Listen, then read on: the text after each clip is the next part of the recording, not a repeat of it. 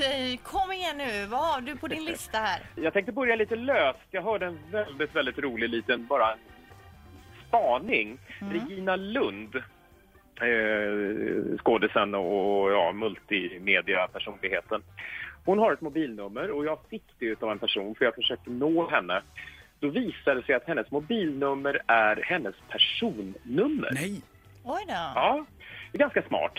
behöver man inte glömma det. Eh, hon är född den 17 juli 1967, men det är någon siffra till där och sådär så att jag, det, jag avslöjar inte riktigt numret. Men det är fantastiskt smidigt. Det måste hon alltså ha mer eller mindre tvingat till sig av någon operatör en gång i världen. Ja, hur kan man få Ja, men det? fast förr kunde man, när, när, när de här kom, mobilnumren, då fick man eh, lämna in förfrågan eller önskemål om vilket nummer man ville ha. Har jag också för mig det? så är det faktiskt. Så att eh, det kan ha varit så redan då. Jag var lite Ja. kär i Regina Lund på 90-talet. Jag ville bara kort Ja. säga det. Ja. Sådär ja, då har du nästan telefonnumret. Jag kan komplettera med dem. Härligt Hans, du är min bäste vän. Nu har han fru och barn här Fredrik, så han behöver inte ha något telefonnummer. Nej, jag, jag lovar att hålla det hemligt.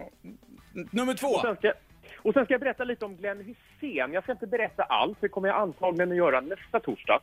Eh, men Glenn Hysén separerade ju från den här unga Therese Skoglund här väldigt överraskande eftersom de förlovade sig i oktober-november förra året. Eh, de la upp någon jättegullig bild från påskhelgen när de var i Danmark. Eh, jättegullig bild och sa glad påsk från oss och så lite hjärtan och sådär. Och, och eh, på fredagen efter så skulle han ju då skrapa triss och det gjorde han. Och däremellan så hände någonting och det tog ju slut och det har ju stått överallt. Eh, jag kan, det här är en halvkväden visa men jag vet varför och det är ingen snygg historia kan jag säga. Aj, aj, aj, ingen snygg histor- historia från vem?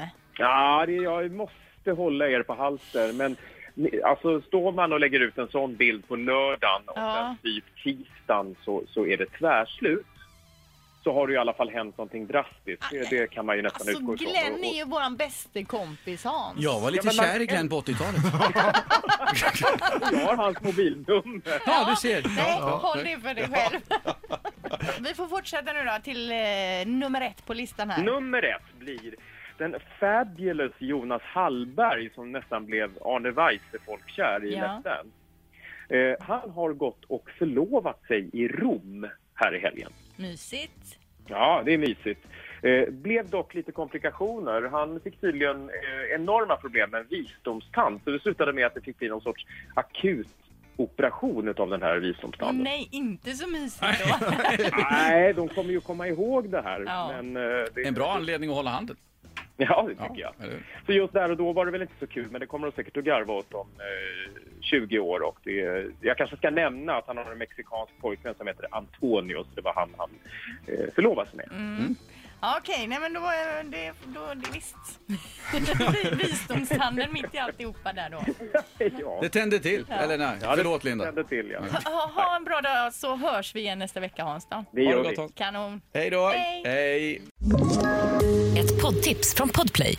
I podden Något Kaiko garanterar östgötarna Brutti och jag, Davva, dig en stor dos skratt. Där följer jag pladask för köttätandet igen. Man är lite som en jävla vampyr. Man har fått lite blodsmak och då måste man ha mer. Udda spaningar, fängslande anekdoter och en och annan arg rant. Jag måste ha mitt kaffe på morgonen för annars är jag ingen trevlig människa. Då är du ingen trevlig människa, punkt. Något Kaiko, hör du på Podplay. Därför är gardinerna.